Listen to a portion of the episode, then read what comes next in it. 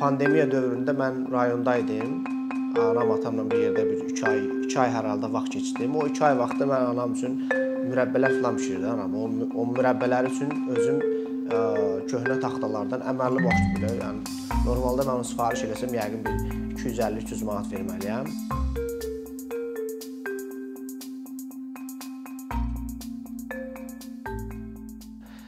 Deməli bu gün biz özün yarat konseptindən danışacağıq. İndi mən burada bəzi şeyləri e, bərbaşdan deyim və mən bəzi terminləri ingilis dilində deyəcəm. Niyə görə? Çünki əgər bu mövzu kiməsə maraqlı olsa, həmin terminləri ingilis dilində yazıb axtarsa, kifayət qədər kontent tapacaq o ə, mövzunu daha yaxşı bir növ araşdırmaq üçün. Amma onların mən Azərbaycan dilində tərcüməsini desəm, biraz ə, ola bilər ki, o, axtararsınız amma heç nə tapmaya bilərsiniz.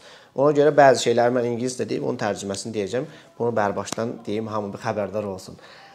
Deməli bu gün biz danışacağıq upcycling, yəni bir növ təkrar emal kimi tərcümə edə bilərik, amma təkrar emaldan biraz fərqlidir. Yəni bu recycling var, bir də var upcycling. Upcycling odur ki, mən hansısa bir köhnə məhsulu müəyyən orada modifikasiyalar eləməklə, bəlkə də bəzən elə ola bilər ki, eləməməklə başqa məqsədlə onu istifadə eləyim. Yəni tullamayım, amma onu istifadə eləyim. Bu olur upcycling. Amma recycling bu başqa mövzudur. Təkrar emal. Ondan birini danışmayacağıq. Deməli, danışacağıq upcycling nə olan şeydir, niyə vacibdir, niyə faydası nədir ümumiyyətlə, həm bizə faydası nədir, həm onun ətraf mühitə faydası nədir, cəmiyyətə faydası nədir bundan. İkinci danışacağıq DIY, do it yourself. Bax bunu da yenə axtarmaq istəyən axtara bilər. Do it yourself. Yəni bunu da biz tərcümə eləmişik özün yarat. Yəni bir növ indən sonra biz çalışacağıq ki, özün yarat sözü ingilislərin həmin o do it yourself termini kimi bir terminə çevrilsin. Bunun üçün də artıq müəyyən işlər görmüşük. Onun da haqqında qısa deyəcəm. Deməli, başlayaq upcycling-lə. Yəni upcycling tarixinə falan girmirəm. Yəni tarixini maraqlı olan gedib araşdıra bilər. Upcycling konsepti odur ki, biz istifadəçi kimi bizə lazım olan əşyalar var və yaxud da materiallar var. Biz standart nə edirik? Gedirik onu satan yerdən giririk, pulunu veririk, alırıq. Yəni budur. Və yaxud da indi deyək, Başqa bir variant da ola bilər ki, bir dənə ağacı kəsirik, ondan stol hazırlayırıq. Bu da bir növ, onun da öz ziyanları var. Amma upcycling ə, konsepti isə odur ki, bizim əlimizdə olan materialları istifadə eləməklə biz həmin materiallardan yeni məhsullar hazırlayaq. Bu nəyə görə faydalıdır? Birinci ona görə faydalıdır ki, mən ə, puluma qənaət edirəm. Yəni birinci mən özümdən başlayım. Mən puluma qənaət edirəm, əlavə bir ə, məhsul almıram və büdcəmə bu yaxşıdır. İkinci odur ki, mən əgər yeni məhsul alası olsam, yeni məhsul almaq nədir? Deyək ki, fikirləşək, bir dənə şəhərdə yaşayırıq, kiçik şəhərdə 100 min əhalisi var. Bu 100 minlik 100 minlik adam ayda cəmi bir dəfə bir məhsul alsa, bu bir ayda 100 min dənə məhsul deməkdir, düzdürmü? 100 min dənə məhsul, yəni kiçik şəxs kimi baxanda bir əşya böyük bir əhəmiyyət kimi görünmür, yəni əhəmiyyətli bir şey kimi görünmür. Amma 100 minlik bir auditoriya kimi baxanda bir ayda 100 min dənə yeni əşyanı almaq o deməkdir ki, yəni bunlar həmin aldığımız o marketlərdə, mağazalarda onun təkrar yenisi gəlməlidir. Düzdürmü? Biz getdik 100 min dənə əşyanı aldıq, market boşaldısa, onun yerinə təkrar o stol, stul, dəftər, kitab nədirsə artıq təkrar ora gəlməlidir. Bu da onun yenidən istehsal deməkdir. Yenidən istehsal da nədir? Həmin e, resurs materiallar təkrar emal olunmalıdır. Onları emal etmək üçün onlara enerji xərclənməlidir. Enerjinin də əksər vaxt mənbəyi, yəni yaşıl enerji deyil. Yəni bir növ ekologiya üçün bu qədər də yaxşı bir şey deyil. Hə, yəni upcycling, upcycling ona görə ikinci yaxşıdır ki, əgər cəmiyyət kimi biz həmin o, o yanaşmanı özümüz tətbiq edə bilsək, Bu ətraf mühit üçün də faydalıdır. Elə ətraf mühit də bizim üçün mövcuddur da. Belə bir tərəfdən baxanda biraz belə məncil kimi səslənməsin, amma yəni az ağaclar kəsilsə biz daha yaxşı bir mühitdə yaşayacağıq. İndi gələk DIY. DIY da odur ki, do it yourself dedim, özün yarat. Odur ki, ola bilər ki, siz yeni materiallardan istifadə edirsiniz, köhnə materiallardan istifadə edirsiniz. Bu upcycling yəni ola da bilər, olmaya da bilər. Amma DIY odur ki, sizə lazım olan şeyi özünüz yaradırsınız. Yəni hər şey ola bilər. Yəni DIY laptop da var. DIY nə bilim PC də var. Nədir bu? Yəni bir var siz hazır marketdən gedirsiniz, alırsınız hansısa bir məhsulu. İkinci də odur ki, siz onun hissələrini alırsınız və sizə uyğun formatda konstruksiya edirsiniz. Laptop haqqında dediyim nümunədə. Bu olur DIY laptop. Və yaxud da ola bilər DIY bir masa, yenə siz götürürsüz materialları alırsınız və masanı özünüz hazırlayırsınız. İndi bu iki konsepti biz birləşdirmişik. DIY və upcycling, yəni özün yaratmaq və bir növ təkrar emal konseptini birləşdirmişik və özün yarat adında bir layihə ortaya çıxartmışıq. Özün yarat layihəsi BMT-nin inkişaf proqramı, Avropa İttifaqı və Ekologiya Nazirliyinin təşəbbüsü ilə bir yerdə ortaya çıxıbdı. Bu əslində belə bir sual verir ki, niyə biz məhz qərar verdik ki, belə bir şey eləyək? Yəni bildiyiniz kimi biz pandemiya dövründəyik və e, hardasa bir neçə gün, hətta bir neçə həftəyə qədər hamı evdə idi. Yəni evdən də SMS-lə çıxırdı, məcbur evdə oturmalısan. Yəni biz fikirləşdik ki, biz necə bir şey eləyə bilərik ki, həm insanlar üçün faydalı olsun, həm bir növ ətraf mühit üçün faydalı olsun. Həm də insanlar evdə otura-otura o işlə məşğul ola bilsinlər. Yəni bizdə bir neçə bir növ layihə təklifləri ortaya çıxdı. Bir dənəsi də bu oldu ki, özün yarat. Biz özün yarat və təkrar emal konseptini birləşdirə bir yerdə belə bir platforma hazırlayaq. Özün yarat.az platforması. Bunun bunun qlobal bazarda alternativi var. O deməli Instructables saytı var. instructables.com həmin platformadır. Yəni onun Azərbaycan versiyasını biz hazırlamışıq. Bu platforma nə işə yarayır? Bu platformada özü yaradanlar və yaxud da yaratmaq istəyənlər bir yerə yığılırlar. Mən əgər nəsə bir məhsul hazırlamışamsa, onun hazırlanma addımlarını bir-bir çəkirəm. Yəni birinci hansı materiallar mənə lazımdır, hansı alətlər lazımdır, sonra addım 1, addım 2, addım 5.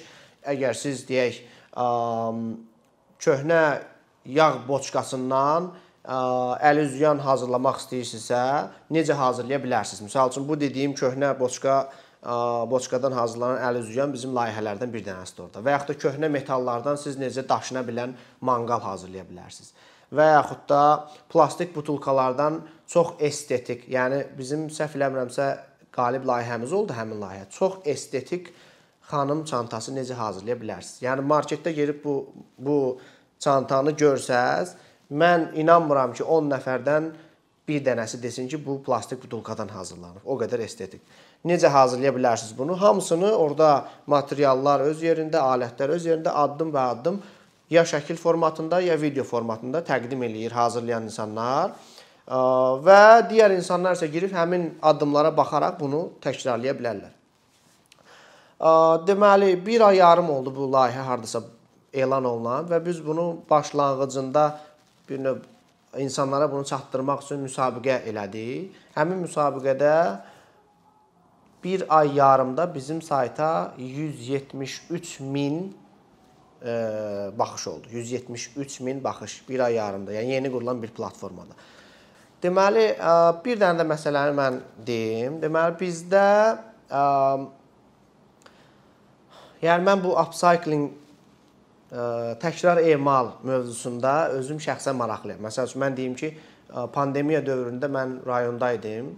Anam atamla bir yerdə bir 2 ay, 2 ay hər halda vaxt keçirdim. O 2 ay vaxtda mən anam üçün mürəbbələr filan bişirdi anam. O, o mürəbbələr üçün özüm ə, köhnə taxtalardan əməlli başlı belə, yəni normalda mən onu sifariş eləsəm yəqin bir 250-300 manat verməliyəm. Elə bir ə, rəf hazırladım. Sonra ayaqqabı qabı hazırladım. Yenə də onun kimi yəqin bir 100-150 manat verməli idim, amma özüm, yəni sırf mənim özümə maraqlı olduğu üçün, plus da upcycling konseptinə uyğun olduğu üçün. İndi bizdə belə bir növ yanlış düşüncə var ki, əslində upcycling olunmuş məhsullar bir növ yaxşı məhsullar deyil və yaxud da ki, o kasıblar üçündür. Yəni bu tamamilə yanlış düşüncədir. Niyə görə? Bir neçə də mən nümunə deyim. Deməli, İsveçdə bir ticarət mərkəzi var. Retuna adında ticarət mərkəzi. Düzü mən o mərkəzdə olmamışam, amma onun haqqında həm çox oxumuşam, həm çox videolara baxmışam. Ümumiyyətlə viral olmuş, yəni çoxlu böyük kütlə tərəfindən danışılan, e, istifadə olunan bir ə, e, ticarət mərkəzidir.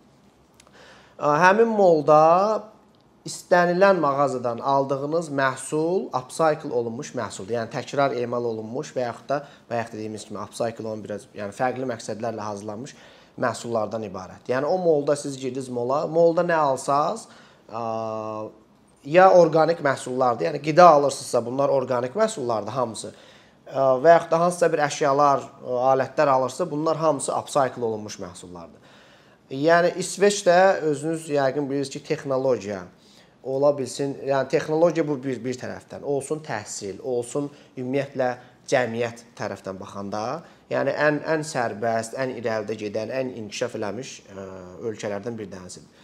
Əgər İsveç bu gün İsveç və İsveçin, yəni mən İsveçdə bir ə, yarım ay hər halda vaxt keçirmişəm. İsveçdə, yəni hal-hazırda indi nələr nələrdir, digər trendlər nələrdir? Veganizm var məsəl üçün. Vegan, yəni veqan ə, məhsulları daha çox istifadə olunur. Süd misal üçün heyvanlardan alınan süd istifadə az olunur. Elə kofe kofe alsaz da kofedəki süd olsun, ümumiyyətlə normal gündəlik istifadə olunan süd olsun. Bunlar bitkilərdən alınan südlər var.